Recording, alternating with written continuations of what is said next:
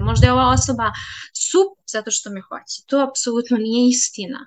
Jednostavno ne smemo da pristajemo na manje od onoga što čini dostojanstvo. Kad to promenimo, da smo mi jednako važni u svim segmentima, onda će seksualnost sama po sebi da se adekvatnije posmatra, ali dok mi da to čekamo, mi treba, ne treba da zanemarimo sebe kao seksualna bića. Nismo počele ovu epizodu umologije nekom pričom jer su izjave studentkinje književnosti Ane Jovčić i psihoterapeutkinje Tatjane Stojišić-Petković toliko jake da smo htele da ih stavimo ovde na početak da osetimo njihovu težinu i važnost. Ova epizoda umologije je posvećena ljubavnim vezama i našim seksualnim životima – Imamo dve glasne i glavne poruke o vrednosti svake osobe i o važnosti da ne učestvujemo u segregaciji i odbacivanju nekoga samo zato što odstupa od društvenih normi i standarda.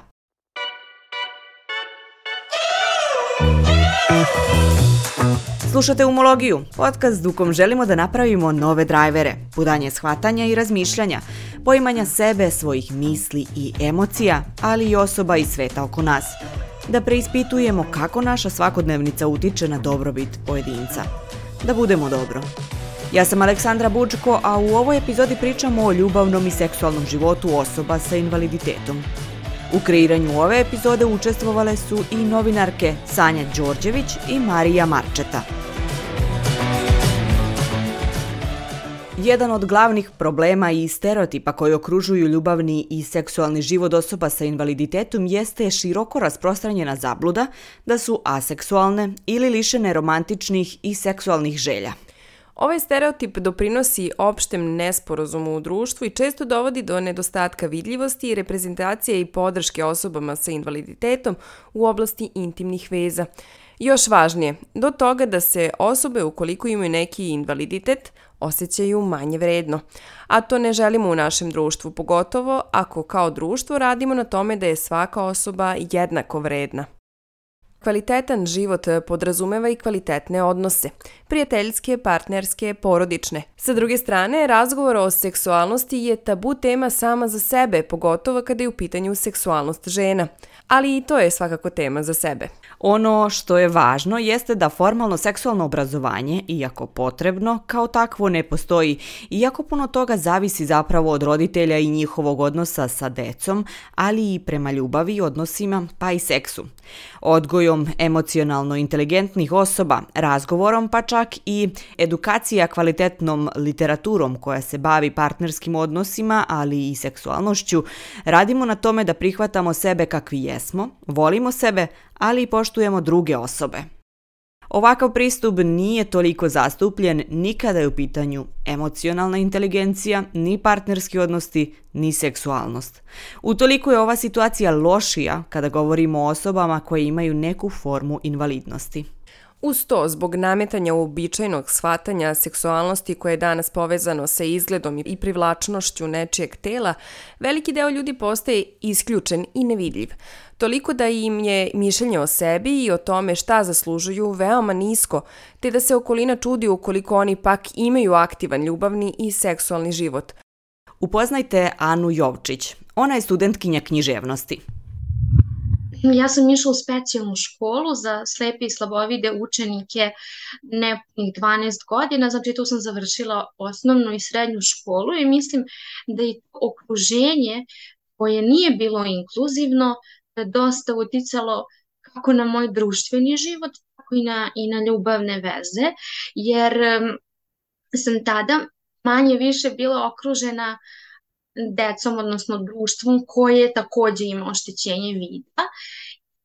I primećivala sam i kod dečaka i kod devojčica kao da je u velikoj prednosti neko ko je uspeo da se smuva sa nekim ko normalno vidi i onda su to bili bile onako pohvale kao wow kako je, kako je ona ili kako je on to uspeo i mnogo je trebalo da prođe vremena da se i ja lično oslobodim tog pritiska, da jednostavno ne treba da bude bitno da li, da li ta osoba vidi, ne vidi ili ima neki invaliditet, koliko, koliko je važno da se mi poklapamo u svemu. I neretko bi dolazilo do toga da e, slepe osobe mogu to da uvrstim iz sebe, iz tog kompleksa niže vrednosti e, pristaju na veze koje e, ih ne ispunjavaju, jer eto, kao osoba normalno vidi i hvata me. I to je nekako dugo vremena bilo sasvim dovoljno. A ovo je psihoterapeutkinja Tatjana Stojšić-Petković. Imam 57 godina, od 7. godine sam u invalidskim kolicima. Moj pubertet, moja adolescencija je prošla tako što sam ja se suočavala sa svojim invaliditetom i zaista se doživljavala kao neko ko je nepoželjan, kao neko ko nije dovoljno privlačan i ko nema pravo na tako nešto, do momenta kad sam počela to da osvešćujem, potpuno drugačiji. I mislim da upravo to sad, za, zašto pominjem svoju priču, zato što meni to moje životno iskustvo i posle toga učenje i edukacije za psihoterapiju i rad sa klijentima i rad sa ženama koje su žrtve nasilja i sad jako puno toga čime sam se ja u principu bavila mi je pogled, pomoglo da nekako sagledam koliko o, i mi negde kao osobe sa invaliditetom moramo da napravimo neke iskorake u tom pravcu da ne zapostavimo sebe, da ne minimiziramo svoje potrebe. Psihoterapeutkinja Tatjana Stojišić-Petković nam je skrenula pažnju na još jednu važnu stvar kada pričamo o ovoj temi.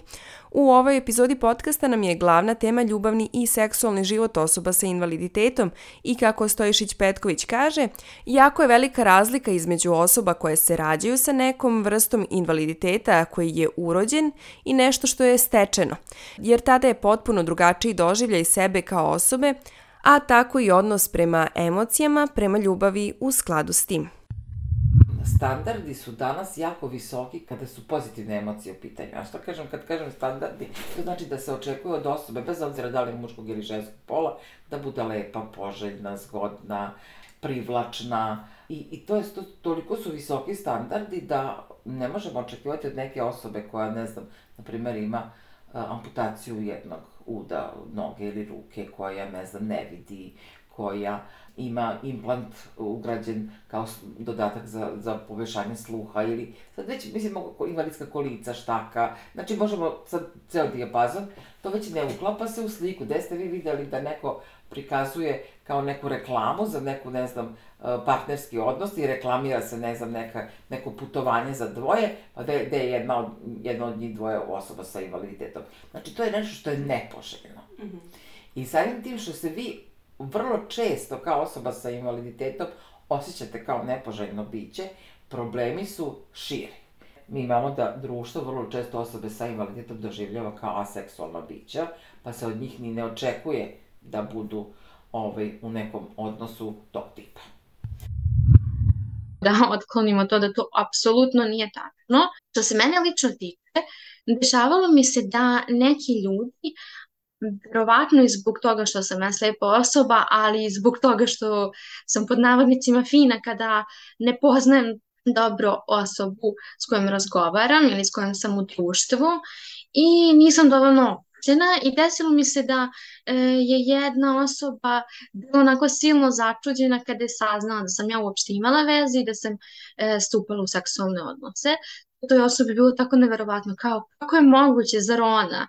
Kao da je to, ne, kao da su seksualni odnosi rezervisani samo za ljude koji deluju otvoreno ili za ljude koji, ne znam, nemaju invaliditet. U razgovoru sa Anom Jovčić dotakli smo se upravo teme sa početka. Ne postoji seksualna edukacija, a znanje o seksu, poznavanje svog tela u tom seksualnom smislu je nepoželjno, zabranjeno sramota. Težina reči koju bi tu stavili, da li je nepoželjno ili sramota, najviše zavisi od toga u koliko otvorenom okruženju odrastamo. Tako je seksualnost i istraživanje svog tela i toga u čemu uživamo za neku osobu sramota. Za drugu može biti samo tema o kojoj se ne priča baš previše javno. Kada kažem da su mi poznate neke stvari, gotovo e, neke stvari koje oh, to sra, sramota da jedno žensko zna, kamoli jedna žena sa invaliditetom ili slepa osoba koja nema pristup vizualnim sadržajima, e, Znači, ja ne mogu da gledam fotografije, ne mogu da, da gledam e, filmove tih sadržaja za odrasle i onda automatski verovatno slede e, začuđivanja, kao da li je moguće da ti to znaš, da je tebi to poznato. Kao da um, je moj nedostatak vida mene sasvim ograniči u tome da ja uopšte mogu da dođem do nekih informacija i da neke stvari znam. Ako društvo šalje poruku da smo mi aseksualni, onda zamislite koliko vi morate da uložite truda, e, ljubavi i borbe, ja ne volim reći borba, jer mislim da ne treba ništa da se tako funkcioniše, nego treba nekako u životu da, da stvari idu, a ne da se borimo i da moramo da razbijamo nešto da bi negde prošli i slično. Koliko je potrebno tog nekog truda da vi probijete tu barijeru i da izađete iz tog koncepta i da onda, kad tek kad to probijete, kad tek izađete iz tog koncepta, onda tek možete da gradite sebe kao osobu koja ima pravo na sve moguće emocije. Zapravo, kao koren problematike kada je seksualnost i emocionalna inteligencija u pitanju, makar u ovoj epizodi, možemo da posmatramo kroz odgoj dece i poruka koje smo dobijali kada smo bili mali ili koje šaljemo mi kao odrasle osobe mlađima od sebe. Tako i psihoterapeutkinja Stojišić Petković ukazuje upravo na to.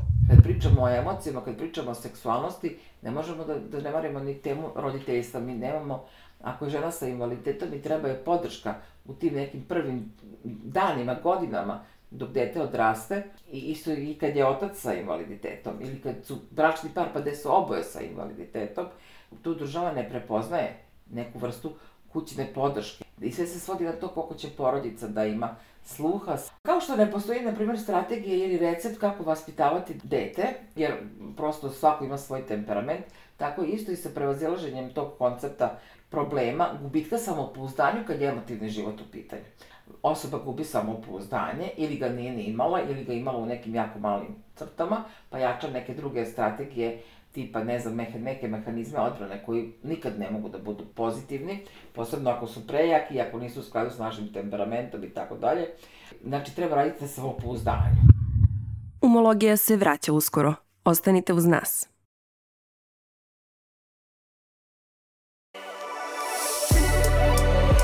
Ćao, ja sam Marija. Radim na podcastu Umologije kao multimedijalna novinarka.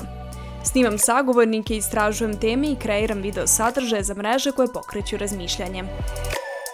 Ovde u Malogiji se trudimo da pričamo o važnim temama koje su bitne za dobrobit svake pojedinke ili pojedinca. Zato sam se i priključila timu želeći da moje novinarsko znanje obogatim još jednim značajnim iskustvom. Podcast Umologija je prirodno izabrao mene i drago mi je što mogu da doprinesem promovisanju važnosti mentalnog zdravlja i razbijanju stereotipa i tabua. Podrži nas tako što ćeš nas preporučiti i podeliti epizodu na svojim društvenim mrežama. I piši nam, želimo da čujemo tvoje utiske. Slušaj umologiju i budi dobro.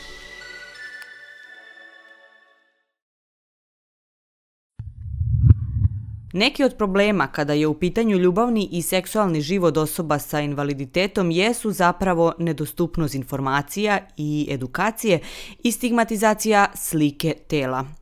Ograničen pristup seksualnom obrazovanju i informacijama prilagođenim osobama s invaliditetom može doprineti nedostatku svesti i razumevanja o njihovim specifičnim potrebama, željama i izazovima u oblasti ljubavi i seksa. Takođe, osobe sa invaliditetom mogu se suočiti sa društvenom stigmatizacijom svojih tela, što može dovesti do problema sa samopouzdanjem i uticati na njihovu sigurnost u traženju romantičnih i seksualnih odnosa. Studentkinja Ana Jovčić sa nama deli na koji način je ona istraživala i edukovala se o seksu. Moram da kažem da slepi ljudi imaju manje više ogroman pristup informacijama, što i dalje nije zadovoljavajuće. To je jako malo, na primjer, e, adaptiranih e, video sadržaja, e, test filmova, i onda mi do informacija, pogotovo o ljubavi, o seksu, ne možemo da dolazimo putem takvih sadržaja, pošto ne postoji audio deskripcija. Tek nedavno, prije godinu, dve, tri, možda malo više, su i filmovi najobičniji, recimo klasici, klasici počeli da budu dostupni za nas.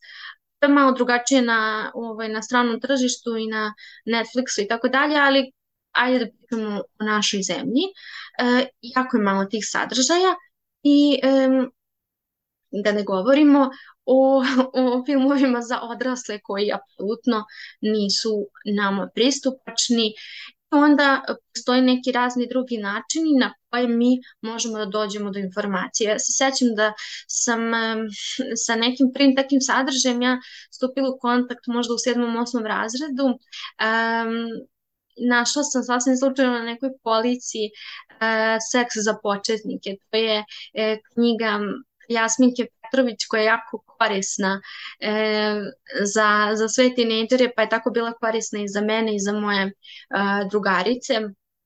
Imali smo tu knjigu štampanu na Brajevom pismu i pošto je to tad bilo jako strašno i sramota e, čitati, e, onda smo se mi skrivale u sobi moje drugarice koja je bila tada u internatu, jer je moja škola bila internatskog tipa. E, onda smo onako pišom, šapatom iščitavale knjigu i saznavale neke, neke stvari koje nam do tada nisu bile poznate. I negde pisana reč nama bila prozor u taj svijet. Onda kasnije su došle na red neke druge e, knjige, neki drugi sadržaj, uglavnom su to tekstualni sadržaji gde e, mi možemo da prikupljamo informacije, pa onda kasnije sam saznala, mislim kasnije od tih srednjoškolskih dana, na primjer za, uh, za Vice, za neke uh, sajtove gde uh, osobe sa invaliditetom iz drugih zemalja iznose svoje, svoje iskustva, gde ja onda uvidim da sve što se meni dešava manje više normalno, onda i to istraživanje e, sobstvenog tela e, je slično kao i kod osoba koje vide prosto dobiješ informaciju od nekog drugog, pa onda ti malo nešto isprobaš i istražiš sebe. E, onda prosto ja nisam mogla kao slepa osoba da gledam neke fotografije i e, znam kako normalno žensko telo, na primjer, treba da izgleda, da i ja u skladu sa tim e, stvorim sliku o sebi. E, čula sam naravno, bilo je komentara i tako dalje, ali e, pošto je moj negde svet slepe osobe jako fokusiran na druga čula, dodira. Ja sam imala tu sreću da sam jako bliska sa svojim prijateljicama i one stvarno nisu imale problem ni da im ja dodirnem grudi, e, da vidim kako to da izgleda. Uh, onda uh, jako, sam bila, jako smo bile otvorene jedna prema, jedna prema drugima, da kada je jedna doživela nešto, da onda vrlo deskriptivno ume da to prinese ovoj drugoj, da znamo šta nas čeka, e, da prosto ono što, što nismo mogli da vidimo, možemo da doživimo onako kako je nama potrebno, a to je putem e, reči, smo onda jedno drugo upućivale na knjige koje možemo da čitamo gde sad nisu neke knjige. Ja studiram književnost, ali uh, u ozbiljnoj književnosti ne mogu da dođem do um, informacija detaljno ne znam konkretno o seksu kako on treba da funkcioniš i kako on treba da izgleda. Znači to već odlazi u, ide u ozbiljnu pornografiju i e, negde e, sam ja tu morala da na, nailazim na neke jako užasne knjige koje su mene bolele dok dok ih čitam i nisam želela da ih čitam iz umetničkih razloga, ali e, zbog dolazaka do informacija jednostavno mi je bilo važno da ih prelistam reći da ih pročitam, koliko god bilo mučno za čitanje, ali e, zarad stvaranja neke slike o tome kako to treba da izgleda i možda šta ja želim da isprobam i šta uh, želim da saznam, da naučim, um, a da je nešto nestandardno i tako dalje, morala sam da, da podnesem vrstu žrtve.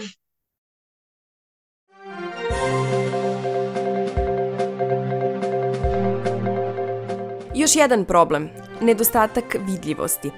Predstavljanje u medijima često zanemaruje romantični i seksualni život osoba sa invaliditetom, što dodatno učvršćuje zabludu da ovi aspekti života nisu relevantni ili važni za njih, ili pak... Mediji ponekad umeju da prenesu, ali na jako negativan e, način, gde recimo ako imamo par gde je jedna osoba sa invaliditetom, a druga bez, onda će mediji često um, upasti u tu zamku da kažu kao svaka čast toj osobi koja se uopšte odlučila da ima vezu sa osobom sa invaliditetom. Uh, kao da sad treba dodeliti orden za ljubav, verovatno zato što hteli mi to i ne, manje više svi mi gledamo šta možemo da dobijemo iz nekog odnosa. Ako neko misli da od osobe sa invaliditetom nemoguće bilo šta dobiti, pa na kraju krajeva da je nemoguć i seksualni odnos, eh, da je nemoguće otići u bioskop, gledati film, kao što, na primjer, bi većina ljudi mislila što je donekle tačno da ja e, ne gledam toliko filmove, gledam, pratim filmove koji imaju audio deskripciju. Znači, ako su nekome filmovi jako važni, ako predstavlja veliki segment nečeg života i slobodnog vremena, verovatno će to biti negde problem da ta osoba uopšte želi da upozna slepu osobu. Međutim, možda kad druga slepa osoba kao što ih ima, ja ih znam, prati filmove. Ako, mi, mi, ako ljudi smatraju, nemaju šta od nas da dobiju, naprotiv, da mogu da izgube, odnosno da izgube svoju slobodu, ako oni misle da će nekome morati da menjaju pelene, da će nekoga morati stalno da vodaju za ruku, da će morati da se pravdaju drugim ljudima, uh, gotovo svojoj porodici, zašto su uopšte sa tom osobom, ta osoba nema dovoljno samopouzdanja da stane iza svoje odluke da se zaljubila u osobu sa invaliditetom, pa će se smatrati niže vrijednom kao zašto sam ja sa osobom sa invaliditetom, a ne sa nekom wow devojkom ili nekim wow dečkom koji nema nikakav problem na odgled, um, onda je jasno zašto su oni u medijima predstavljeni kao heroji. Uh, tako da ja tu ne mogu da zamerim medijima jer su mediji direktna slika. Ali, društvo u kome živimo, ali e, stoje primeri gde to apsolutno nije tako. Gde e, primere, primeri su uglavnom takvi, jer zašto bi e, postojale veze u kojima najrav, najravnopravnije učestvuje osoba koja ima i koja nema invaliditet. E, da tu nema ljubavi, da tu nema zajedničkih trenutaka, da tu nema ravnopravnosti i na kraju krajeva obe osobe nemaju šta da dobiju. Tako da e, mediji bi trebalo da izbegnu da govore o, e, o nama kao o ljudima koji su manje vredni ljubavi i manje vredni veza, jer to direktno proizilazi iz stava da su ljudi koji su sa nama automatski heroji.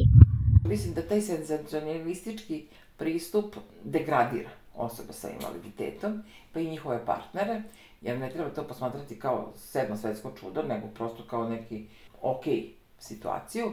Jedan članak iz novina, stvarno ne mogu sad da se setim koje su novine u pitanju, ali ne, ne nešto davno, košarkaška utakmica mladića u invalidskim kolicima i kao u publiki je čak bilo i privlačnih lepih žena, a neke od njih su i njihove devojke. Znači, sad te koji idu kod, idu kao strašno, neko je došao da gleda osobe sa invaliditetom u kolicima, koji igraju košarku, pa još i zaljubljen u njih. Znači, stvarno onako potpuno besmisleno.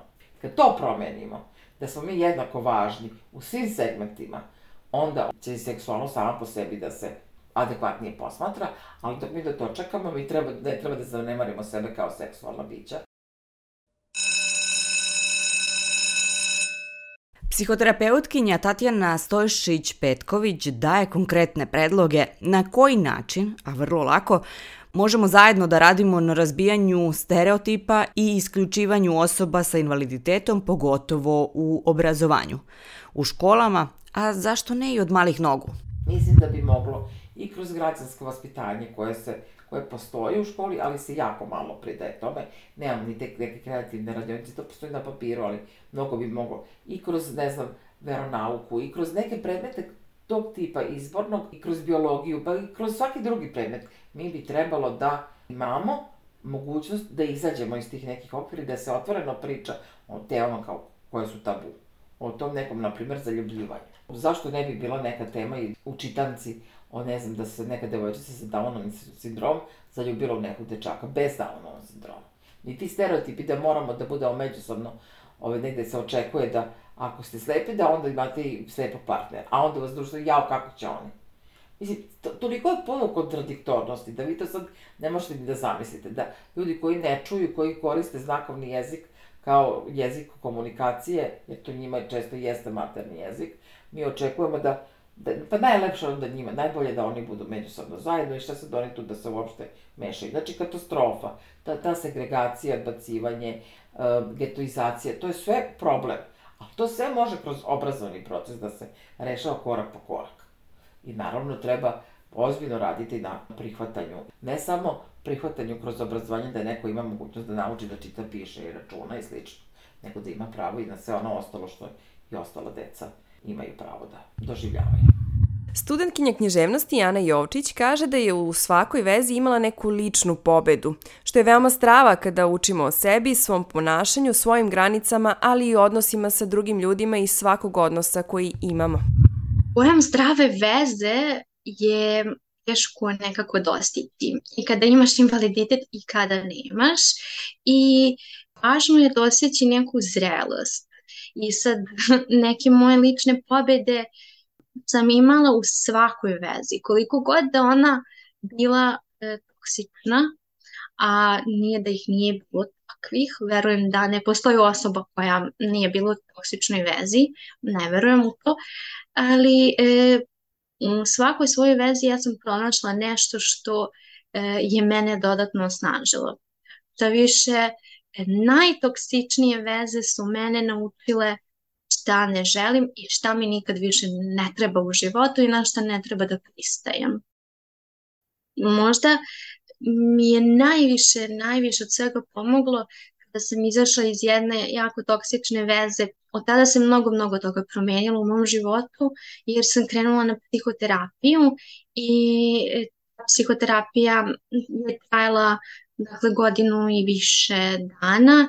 E, taj i dalje, ali ne u takvom kontinuitetu kao tada, kada mi je bila jako potrebna. Kada sam e, iznala sebi neke stvari, kada sam e, shvatila šta je tačno bilo toksično u toj vezi, šta je tu meni smetalo, šta sam potiskivala, na šta nisam smela da pristajem, e, tada sam nekako počela da gradim E, bolje partnerske odnose. Ali ne samo psihoterapija. Ja sam u tom periodu upoznala jako bliske prijatelje. Nekako se zadesilo da kada se veza koja je bila toksična završila, da u tom periodu sam ja krenula i na psihoterapiju u tom periodu sam e, počela intenzivno da se družim sa, sa tri meni jako važne osobe. Tu su se pojavili još neki ljudi koji su mi takođe postali dragi i ti ljudi e, su meni pomogli da uvidim negde svoju vrednost i da shvatim da ono što meni treba nije previše i da ne smem da pristajem na nešto manje od toga. E, tu sam uvidjela da e, je meni sasvim dovoljno da imam prijateljstva, jer su mene prijateljstva toliko učinjela srećnom. Toliko sam uspela da doživim stvari koje sam verovala da mogu samo u partnerskom odnosu. Strah od samoće. Od toga da nismo poželjni. Od toga da ne budemo sami. Pogotovo u društvu u kom živimo, gde se još uvek smatra veoma važnim udaja, porodica i važnost ostvarenja sebe u tom kontekstu, što apsolutno nije tačno. A kada je društvo okrenuto ostvarivanju povezanosti i intimnih odnosa sa lepotom i privlačnošću, po nerealnim društvenim standardima, onda se na problem i pritisak dodaje još jedan problem. Evo o čemu pričam. Kada sam ja negde sebe ubeđivala da je partnerski odnos ok i kada nije, ako, na primer, eto, imam luksus da sa tom osobom negde otputujem. A sada imam prijatelje s kojima takođe mogu da putujem. Onda, e, ako sa tom osobom mogu da odem u restoran, na primjer. Neke obične stvari su meni bile wow, što apsolutno ne, ne treba da bude tako, jer ja ne mogu sama da odem u restoran, ne mogu sama da odem na putovanje i meni su um, bili ogromni benefit iz tih veza. I onda kada sam e, stekla prijatelje koji imaju iste želje kao ja, koji imaju slične standarde za ljubavne veze kao ja, su mi rekli, hej, u redu je da ne želiš to i to. Jer sam ja pristala na razne stvari, ne želim, e, zato što nisam želela da budem napuštena i verovala sam da moja vrednost direktno zavisi od toga da li sam u vezi ili ne. Sad ovdje ne govorim da li sam u vezi sa osobom koja vidi ili koja ne vidi, nekako je ceo celo moje tinejdžersko doba i kasnije se to produžilo, ja sam stalno bila u nekim vezama. Čak da nisu bile dobre po mene. E onda se desio taj period kada sam ja naučila da prekinem vezu, da kažem dosta je, ovo nije to to.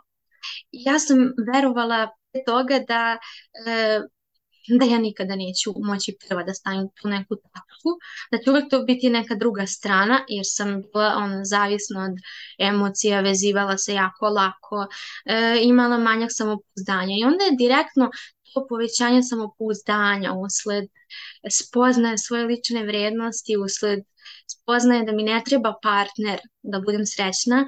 Ironično, kada sam shvatila da mi, partner, da mi partner ne treba, ironično se dogodilo da sam počela da upoznajem kvalitetnije osobe.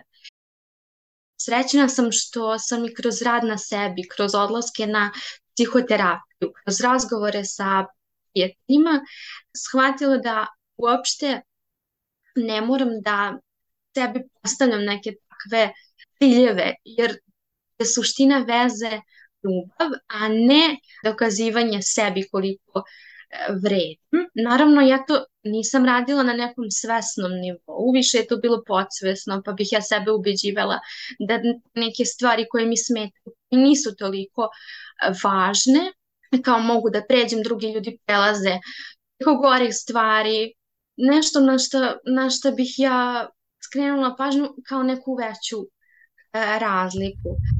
Jako važna poruka, ali i ohrabrenje za samoljubav koju sa nama deli studentkinja Ana Jovčić. Treba da naučimo da budemo sami i to ne samo, ne mislim samo na, na slepe ljude, na ljude sa invaliditetom, ali možda posebno na nas mislim, jer mi imamo često i manjak samopouzdanja da nas možda niko neće želeti, pa kao ako me ova osoba ne želi e, ili ako ne budem pristajala na neke stvari, ko zna, možda dođe još neko gori, možda me niko više ne bude hteo nikada, možda je ova osoba super zato što me hoće. To apsolutno nije istina. E, jednostavno ne smemo da pristajemo na manje od onoga što čini dostojanstvo i ako se više nikada ne pojavi neka osoba, čak i bolje, nego da, nego da budemo sa nekim ko, ne daj Bože, ne znam, vrši neke pritiske na nas u vezi gde trpimo psihičko nasilje, fizičko, ne daj Bože, tako da dalje da prvo nađemo nađemo to ko smo mi kroz psihoterapiju, da nađemo prijatelja koji će stvarno iskreno da nam kažu alo, ti vrediš mnogo više od te osobe. Mislim, ne treba mi sad da vredimo mnogo više od te osobe, ali kao vrediš više od onoga što imaš sa tom osobom u, u ovom trenutku i hajde teži tome što, što stvarno tebi treba nemoj da pristaješ na nešto na pola ili nešto jako loše samo da ne bi bio sam ili ne bi bila sama. Suprotstavljanje ovim stereotipima i izazovima uključuje promovisanje inkluzivnosti, pružanje tačnih informacija i posticanje otvorenih razgovora o raznovrasnim iskustvima osoba sa invaliditetom u njihovim ljubavnim i seksualnim životima, Obrazovanje, reprezentacija u medijima i zalaganje za inkluzivnost u seksualnom obrazovanju su ključni koraci ka rušenju ovih stereotipa i promovisanju društva koji je razumevajuće i podržavajuće, što je zapravo veoma važno, da počnemo da pričamo o temama poput emocionalne inteligencije, zdravih partnerskih odnosa, ljubavi, seksualnosti. Samo inkluzivno, kako bi svi imali pristup informacijama, ali i kako bi bili vidljivi. Jer svima nam je važno da budemo vidljivi. Zato želimo da vas zamolimo da podelite ovu epizodu podcasta, da bi i umologija bila vidljiva i bila korisna i pomogla onome kome je potrebno. Pišite nam svoje utiske, zaista želimo da ih čujemo.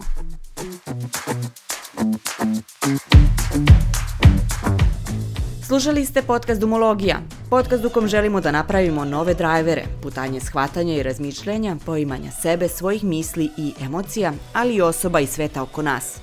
Ovu epizodu su kreirale Sanja Đorđević, Marija Marčeta i Aleksandra Bučko. Produkcija Fabrika kreativnosti